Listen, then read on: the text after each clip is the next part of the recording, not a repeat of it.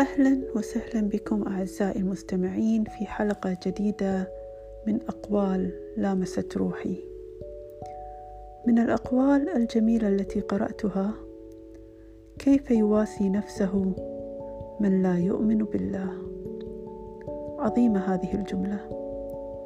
عندما قرأتها صمت لدقائق ثم تساءلت بيني وبين نفسي يا ترى فعلا كيف يواسي نفسه من لا يؤمن بالله؟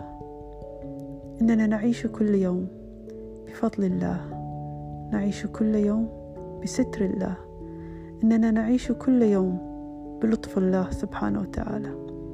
إن ألطاف الله تتداركنا كل يوم مئات المرات.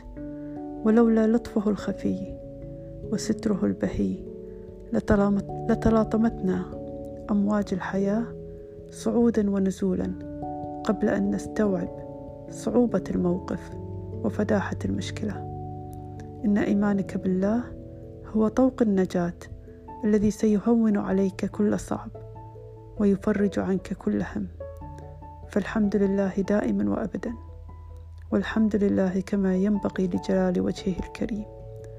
والحمد لله بعدد حبات المطر وذرات الكون. أصدقائي ليكن لكم وردا من ذكر الله ترددونه كل يوم فبسم الله وحده النفوس تهدأ. دمتم بود كانت معكم بشاير الرندي.